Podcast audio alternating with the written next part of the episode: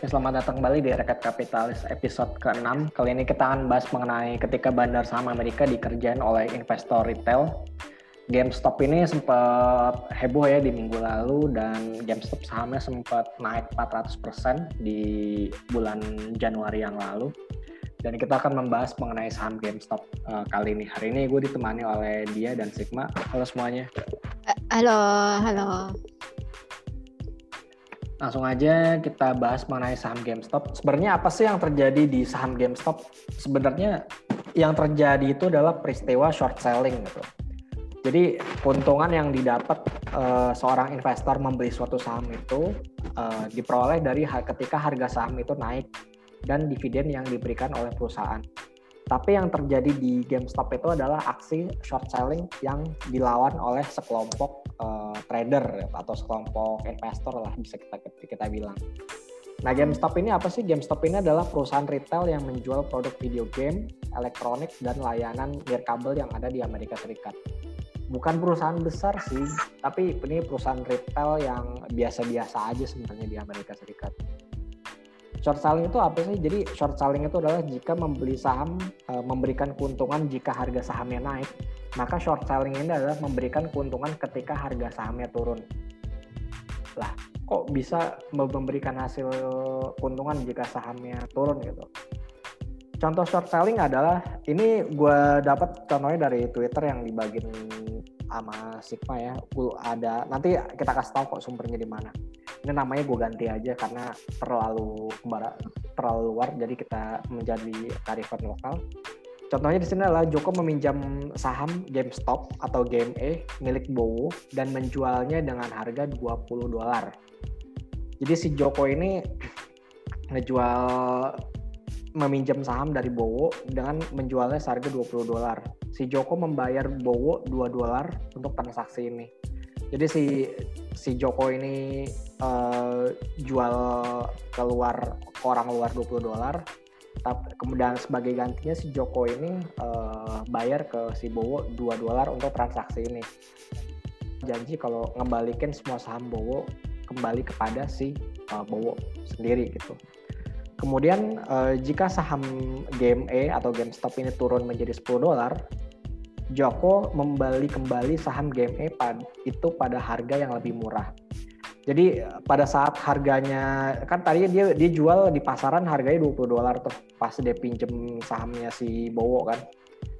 Uh-huh. Nah, terus pada saat si saham GME-nya turun menjadi 10 dolar, terus si Joko ini beli lagi si saham uh, GME yang udah dia jual jadi ini si Joko ini uh, dia nggak punya sahamnya ya, dia minjem saham si Bowo ya uh, kondisinya. Jadi pada saat dia udah di apa? Udah dia minjem, terus dia jual sahamnya di pasar 20 dolar. Kemudian pada saat sahamnya turun, si Game ini turun menjadi 10 dolar, dia si Joko ini beli lagi saham Game di jadi 10 uh, di harga 10 dolar. Jadi keuntungan Jokowi itu didapatkan dari uh, transaksi dia sebesar 20 dolar. Dia kan jualnya 20 dolar tuh. Dikurangin uh, sama harga sahamnya 10 dolar dan dikurangin sama uh, eh, 2 dolar uh, uang yang dibayarkan pada si Bowo. Jadi keuntungan si Joko ada 8 dolar. Ada yang mau coba simplified lagi nggak kejadiannya kayak gimana? Coba Sigma. Simplified. Iya, simplified. Uh, jadi kan Ya sebenarnya ini udah simple sih ya. Maksudnya kan si Joko itu minjem minjem saham ke Bowo kan. Hmm. Nah mungkin pada bingung ah, gimana ya cara minjemnya gitu kan. Ah, iya, nah ini ya bisa bisa ini aja sih kayak apa namanya dinego aja gitu sahamnya. Jadi dari rekeningnya si Bowo dipindahin ke rekeningnya Joko. Mm-hmm. Gitu. Nah, terus biaya dia minjem itu ya sebesar 2 dolar tersebut kan. Jadi mm-hmm. ketika dia udah dapat cuan 10 dolar, mm-hmm. itu dikurangin lagi tuh sama fee buat ke Bowo 2 dolar. Mm-hmm. Jadi yang dia dapat ya udah 8 dolar gitu. Ah, Oke. Okay. Itu simplifatnya ya. Kalau prakteknya di Indonesia itu sebenarnya ada short selling itu diperbolehkan di Indonesia, cuman hanya saham-saham tertentu aja. Dan biasanya saham yang menjadi bisa di short selling itu adalah saham margin juga, bener nggak? Ya kan? eh, gue pikir tuh short sell di sini tuh uh, lebih kayak maksudnya yang bisa ngelakuin itu kayak cuma institusi nggak sih? That's right. Nah, ada ada apa ada apa? Ada ini lagi tuh, ada term, terms and conditions lagi tuh nanti. Jadi uh -huh. uh, broker yang boleh ngelakuin short sale tuh MKBD-nya minimal 250 miliar setahu gue.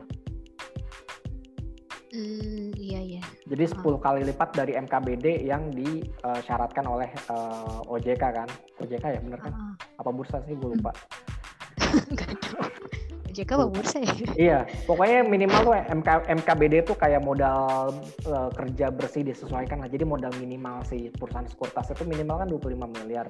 Nah, bagi uh-huh. perusahaan sekuritas yang atau broker saham yang mau melakukan short sale itu minimal kayak MKBD-nya minimal ya, minimal 250 miliar minimal oh. semua. Jadi itu baru yang bisa melakukan short sale. Dan yang ya, melakukan OJK short, deng itu OJK. OJK ya. Dan yang melakukan uh. short sale di Indonesia itu nggak semuanya bisa itu, hanya institusi kalau nggak salah yang bisa. Jadi uh, retail pun kayaknya nggak bisa ya kalau untuk retail ya. Uh, uh. Mungkin kalau uh, lu lu misalnya kan punya punya barang di harga atas gitu kan hmm. Astra gitu taruhlah di tujuh ribu.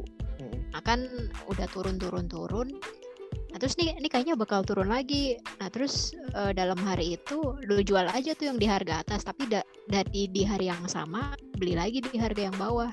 Nah iya misalnya opening Astra di berapa ya? Misalnya uh, harga sebelum harga misalnya kayak hari ini deh. Ini hari apa sih? Hari Selasa ya? Hari Senin penutupan Astra di 7000 misalnya misalnya ya. Terus hari ini dibuka di uh, 7200 gitu. Di hari berarti saham naik kan? Uh-uh. nah lo yakin di hari ini tuh harga saham Astra akan turun? Lo jual aja di 7200 dulu barangnya nih lu belum punya barang lu minjem dari sekuritas misalnya. Lu jual Astra di 7.200 kemudian tebakan lu bener di hari ini harga saham Astra turun jadi 6.500 Nah, di situlah lu beli saham Astra di harga 6.500. Jadi lu dapat keuntungan dari uh, eh, 7.200 dikurangi 6.500. Nah, itu untung yang lu dapatkan. Karena lu udah jual duluan di harga 7.200, lu lu beli lagi harga si saham Astra di 6.500. Jadi contohnya kayak gitu kalau untuk yang yang ala Indonesia-nya ya. Tapi itu uh, contohnya di satu hari loh. Yang dilakukan GameStop ini adalah berhari-hari dan luar biasa konyol yang sebenarnya sih. Kita akan bahas uh, selanjutnya nih. Jadi short selling yang dilakukan uh, di GameStop ini adalah dilakukan oleh hedge fund. Hedge fund tuh mirip kayak kita udah pernah bahas ini kan, The Big Short gitu. Uh -uh. Nah di, di Big Short itu kan yang nge-short kan hedge fund kan. Nah kalau yang di cerita di GameStop ini yang nge-short itu juga hedge fund dia si hedge fund ini mencoba nurunin harga sahamnya GameStop, GameStop dan men-short sahamnya. Kenapa hedge fund men-short saham GameStop? Karena para hedge fund ini menyadari bahwa kinerja keuangan dari GameStop akan anjlok di tahun 2020 kemarin karena sepinya pengunjung toko di gerai retail GameStop. Selain itu juga kalau gue lihat ya kayaknya sih market cap-nya kecil juga jadi mereka nggak terlalu worry gitu bahwa ini akan menyebabkan masalah di masa depan. Iya, iya kan? Karena iya kan? Mungkin kayak kayak pen dia kayak penny stock gitu. Iya, gue rasa sih gitu kayak penny stock, saham-saham uh, gorengan lah, kasarnya kayak yeah, gitu ya. Uh, uh, Kalau gue lihat-lihat kayak gitu, makanya pada hedge fund nih pada berani gitu loh nge-short si saham ini. santai gue lihat sih gini gitu. santai aja, ah udahlah bro, tujuh puluh perak ini bro, kalau di Indonesia gitu kan. Nah, uh. terus si hedge fund ini nge-short si saham GameStop dari 20 dolar ke 10 dolar lalu ke 4 dolar. Itu ibaratnya dari harga 100, 80 terus ke 60 kali atau 50 kali ya mungkin nge-shortnya kayak gitu kali kalau di iya. Indonesia. Nah terus mereka itu terus saka dan ngelakuin short selling secara berbulan-bulan. Tadi yang kita ceritain contoh Astra adalah kita nge-short selling secara sehari. Yang dilakukan hedge fund ini dia nge-short selling secara berbulan-bulan. Jadi sahamnya dijual di harga lebih rendah, pas turun dijual lagi di harga lebih rendah, dijual lagi, ah, pas turun dibeli lagi di harga rendah, di short selling terus gitu. Nah, hedge fund ini nge-short saham GameStop sebanyak 140% dari jumlah saham yang tersedia. Kalau di Indonesia sih kayaknya nggak bisa ya. Kalau di luar sih bisa-bisa aja ya ternyata ya. Itu 140% dari dari apa? Jumlah saham yang tersedia katanya sih begitu ya. Kalau uh, di uh, di Oh iya ya, iya. Kalau uh, dari berdasarkan Twitternya ini Mr. Brown Eyes 2020 dia bilangnya 140% dari jumlah saham yang tersedia. Kemudian para hedge fund ini meminjam saham lebih banyak dari jumlah saham yang ada. Nah ini kayaknya di Indonesia nggak bisa sih kalau kayak gini kayaknya ya. Gua nggak tahu. Ini kayaknya 140% dari yang total yang bisa dia pinjam nggak sih? Iya kayaknya mungkin ya. Mungkin, kayaknya sih. Uh, gue uh. mungkin ya, mungkin uh, 140% dari dia minjemnya misalnya uh, 100 juta dolar, tapi uh -uh. Uh, dia pakai limit lagi jadi uh, 140 juta dolar, mungkin kayak gitu ya. Iya, kayaknya sih kayak gitu ya. Terus orang-orang yang ada di Wall Street Bets itu menyadari ini dan memberitahu semua orang ada di forum. Jadi kayak kalau di Indonesia tuh kayak contohnya mungkin kayak yang ada di forum di Stockbit, terus ada di forum HOTS-nya di nilai yeah. aset. Itu kan ada tuh uh. misalnya ada saham KF itu, ada yang komen di bawahnya itu pakai anonim segala macam. Nah, mereka-mereka itu pada ngasih tahu, eh ini ada saham GameStop nih udah di short segini sekian sekian kan gitu.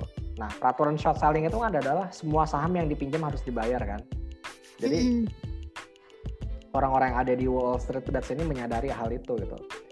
Nah, menyadari para hedge fund ini men-short saham GameStop secara gila-gilaan, para redditors Wall Street Bets. Jadi di Wall Street Bets ini ada di forumnya Reddit dia membeli saham yeah. yang yang bisa mereka beli sebanyak-banyaknya.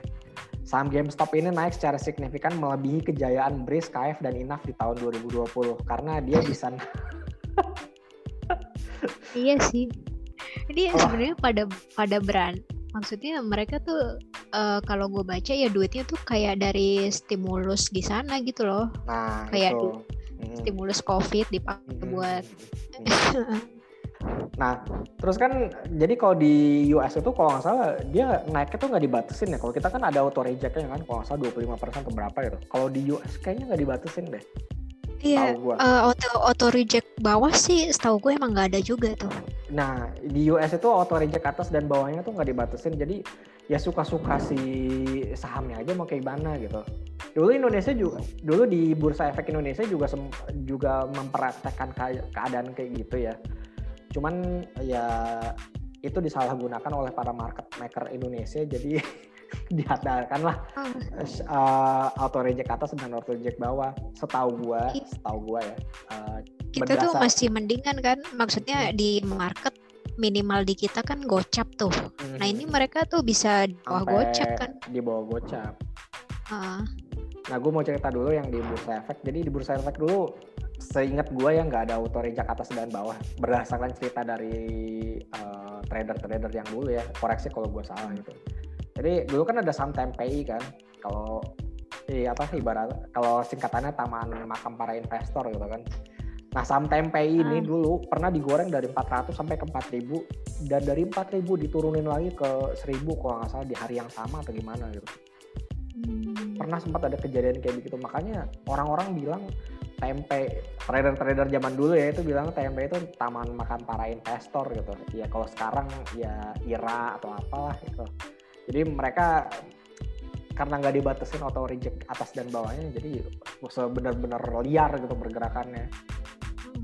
Makanya bisa kayak, sampai kayak oh, gitu. Bumi bumi juga udah ini belum sih? Maksudnya kan uh, bumi tuh pas lagi masa-masa bisa auto reject nggak terbatas gitu apa waktu itu udah dibatasi? Nah itu gue nggak tahu tuh, itu gue nggak tahu. Soalnya kan itu dia udah dari 2000-an awal ya, maksudnya dia dari uh -huh. 2006 2007 itu gue nggak tahu tuh masih bisa uh, dibebasin apa enggak. So tahu gue uh. ada auto reject itu setelah 2009 atau gimana tuh? Koreksinya kalau gue salah ya, karena kan kita eh, bertiga iya, ini uh, kita ber, uh, kita bertiga ini kan masuknya di pasar di tahun 2012 ya jadi kita kurang begitu ingat gitu. Setahu gue sih cerita yang beredar sih seperti itu. Nah langsung aja kita bahas ke GameStop lagi. Nah bagaimana ini membawa petaka bagi para, para hedge fund? Contohnya adalah ketika hedge fund ini meminjam 10 juta saham dan menjual saham GME di harga 10 dolar. Jadi mereka dapat untung sekitar 100 juta dolar kan tapi seketika itu juga mereka harus membeli saham itu kembali. Ketika pada redditors membeli saham GME dan membawanya terbang tinggi di angkasa, jadi sahamnya dinaikin sampai di ujung langit, memaksa para hedge fund untuk membeli kembali saham GME di harga yang udah di ujung langit. Jadi kita, iya kan? Harga saham dari 4 dolar naik ke 300 dolar gitu. Itu jauh banget maksudnya. Dan hedge fund ini juga harus ngejual dan dia ngejual saham GME ngedapetin saham 100 juta dolar tapi dia mereka harus ngebeli kembali saham GME senilai 1,47 miliar dolar alias rugi sekitar 1,37 miliar dolar. Jadi itu ya perkiraannya ya. Dia jadi karena dia jual di harga 10, kemudian sahamnya malah naik jadi jadi 100 gitu misalnya ya. Ya itu uh, berarti kan sekitar 10 kali lipat dari saham yang dia uh, jual gitu loh. Makanya dia iya. ngebelinya jadi rugi karena harga yang dia beli sekitar 1,4 1,37 miliar sedangkan dia jualnya cuma uh, 100 juta dolar alias or dia di situ. Iya, ini kayaknya abis dia jual gitu kan. Ah udahlah santai tinggal ngopi, ya ditinggal ngopi, toto naik gitu karena nggak mungkin nggak nyangka sih. Ah tapi apa ya kalau bagi para apa sih penganut-penganut bandar di Indonesia sih uh, pada nggak percaya gitu. Ah ini nggak iya. mungkin. Nggak iya, mungkin.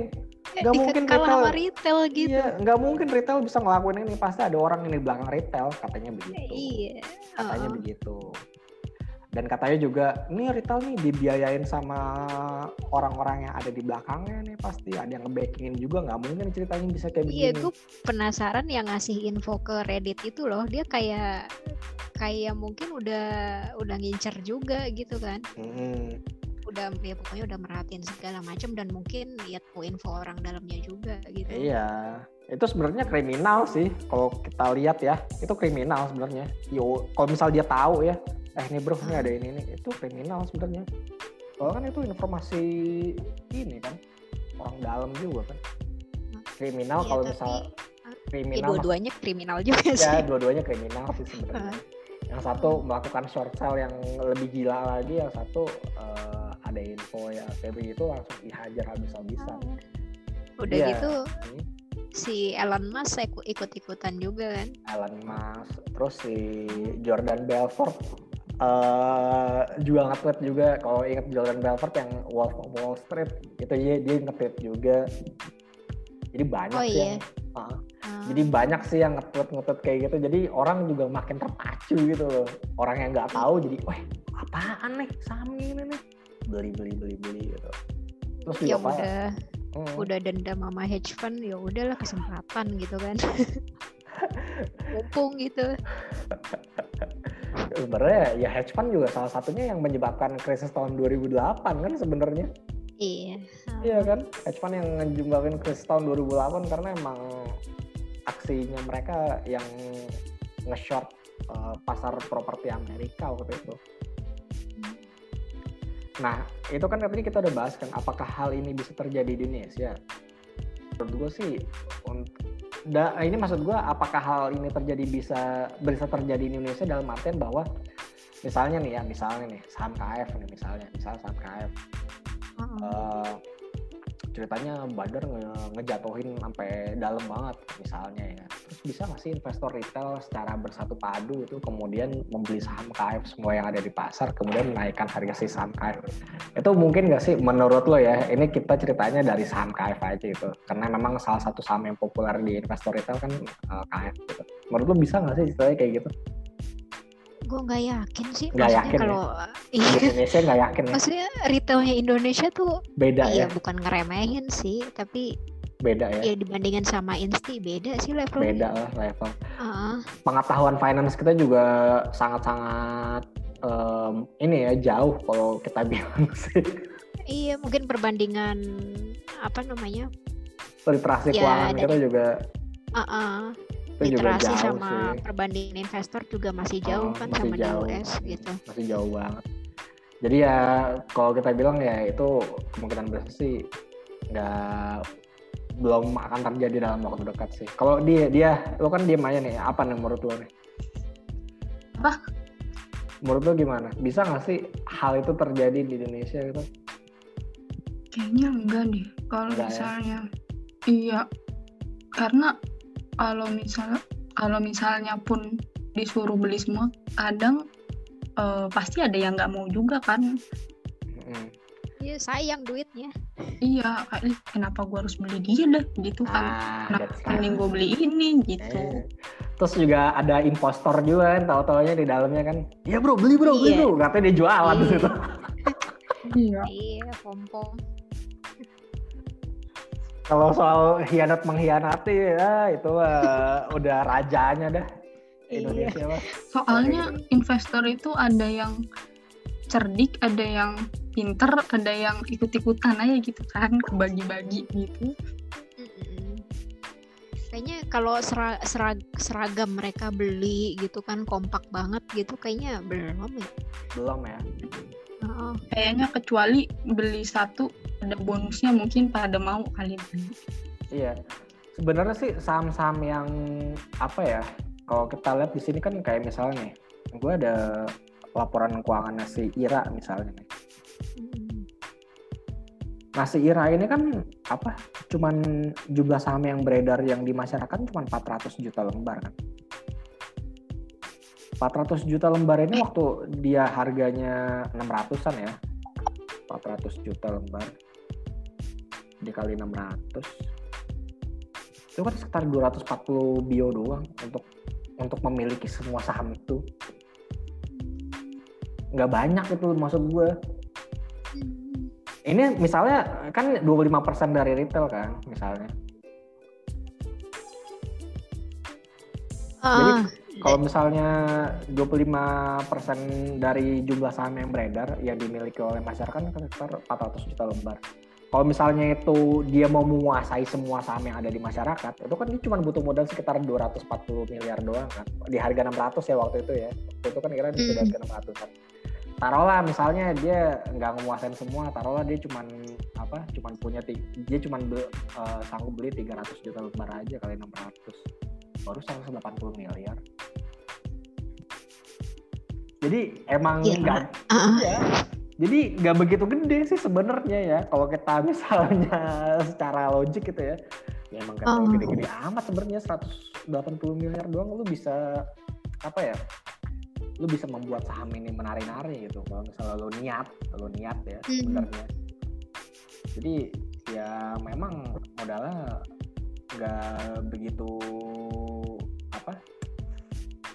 nggak begitu besar gitu sebenarnya. Beda kok harganya sekarang. Sekarang tuh berapa ya Ira ya harganya? Gue lupa deh. Bentar ya.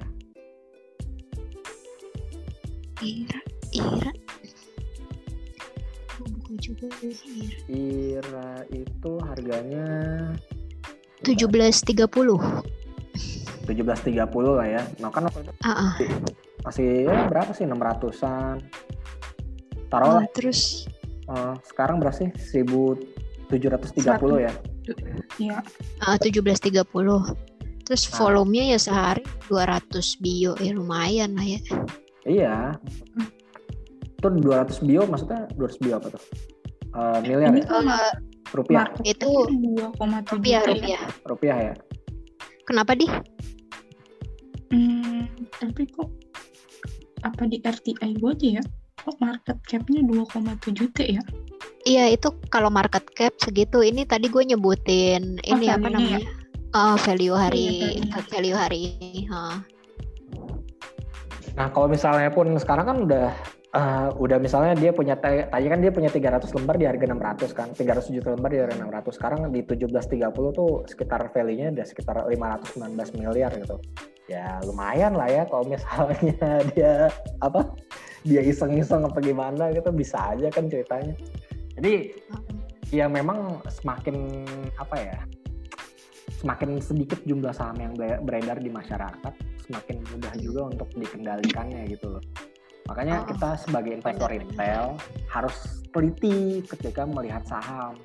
Kita jangan lihat oh sahamnya lagi naik segala macam. Kita lihat dulu nih jumlah saham yang beredarnya berapa misalnya yang ada di masyarakat itu kalau cuma 400 juta lembar mah ya nanti nanti dulu aja soalnya kalau kita kaliin sama harga saham yang tadi kan cuman 100 uh, cuman 240 miliar doang kan dibutuhin untuk memiliki semua saham yang ada beredar di masyarakat gitu. Jadi kita lebih aware gitu sebagai nasabah retail dan harus rajin juga baca baca laporan keuangan kalau misalnya mau beli saham-saham kayak beginian. Menurut lu gimana? Ada yang pendapat lain nggak? uh, gue jadi maksudnya gue jadi pikiran maksudnya uh, beberapa hari ini juga kan market tuh kayak dinaikin dulu terus ntar sorenya turun kan itu kayak tanda-tanda nge-shop juga sih sebenarnya tapi uh, sebagai informasi aja di uh, bursa hmm. sampai detik ini belum memperbolehkan kembali aksi short selling ya sampai detik iya. ini. Sampai detik ini. Tapi ya nah, kalau mau ya bisa-bisa aja kalau sih. Mau bisa aja. Secara resmi kalau, enggak ya. Kalau jadi insti ya. Iya. ya karena ya gue juga pernah gitu. Iya iya iya. iya. Uh. Tapi peraturan ini belum uh, diberlakukan lagi, dibekukan dari tanggal bulan Maret kalau nggak salah dibekuin karena market market volatilitas saya luar biasa tinggi, jadi dibekuin aksi short selling. Dan sebenarnya kan kalau kita lihat nih Mira gitu. Kan, ini kan udah bentuk pohon Natal banget kan sebenarnya. iya. Iya udah bentuk pohon Natal dari Buset, ini puncak, iya terus turunin lagi.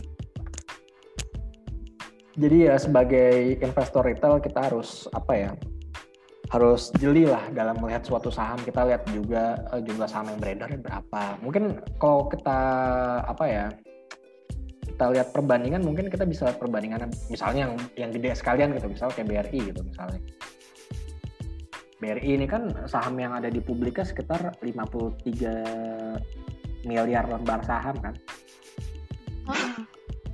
misalnya nih iya, iya. 53 345 8 10 itu warga dikali harga itu saham. baru share uh -uh. Uh, ini saham yang di publik ya saham yang di publik ya bukan saham yang dimiliki oleh pemerintah. Kita yang kali ini namanya saham di publik aja.